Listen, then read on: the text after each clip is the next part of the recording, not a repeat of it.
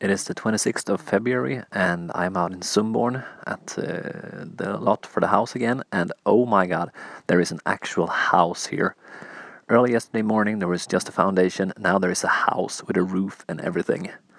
Sure, it's not done for a couple of weeks, but still, oh my god. There is a house.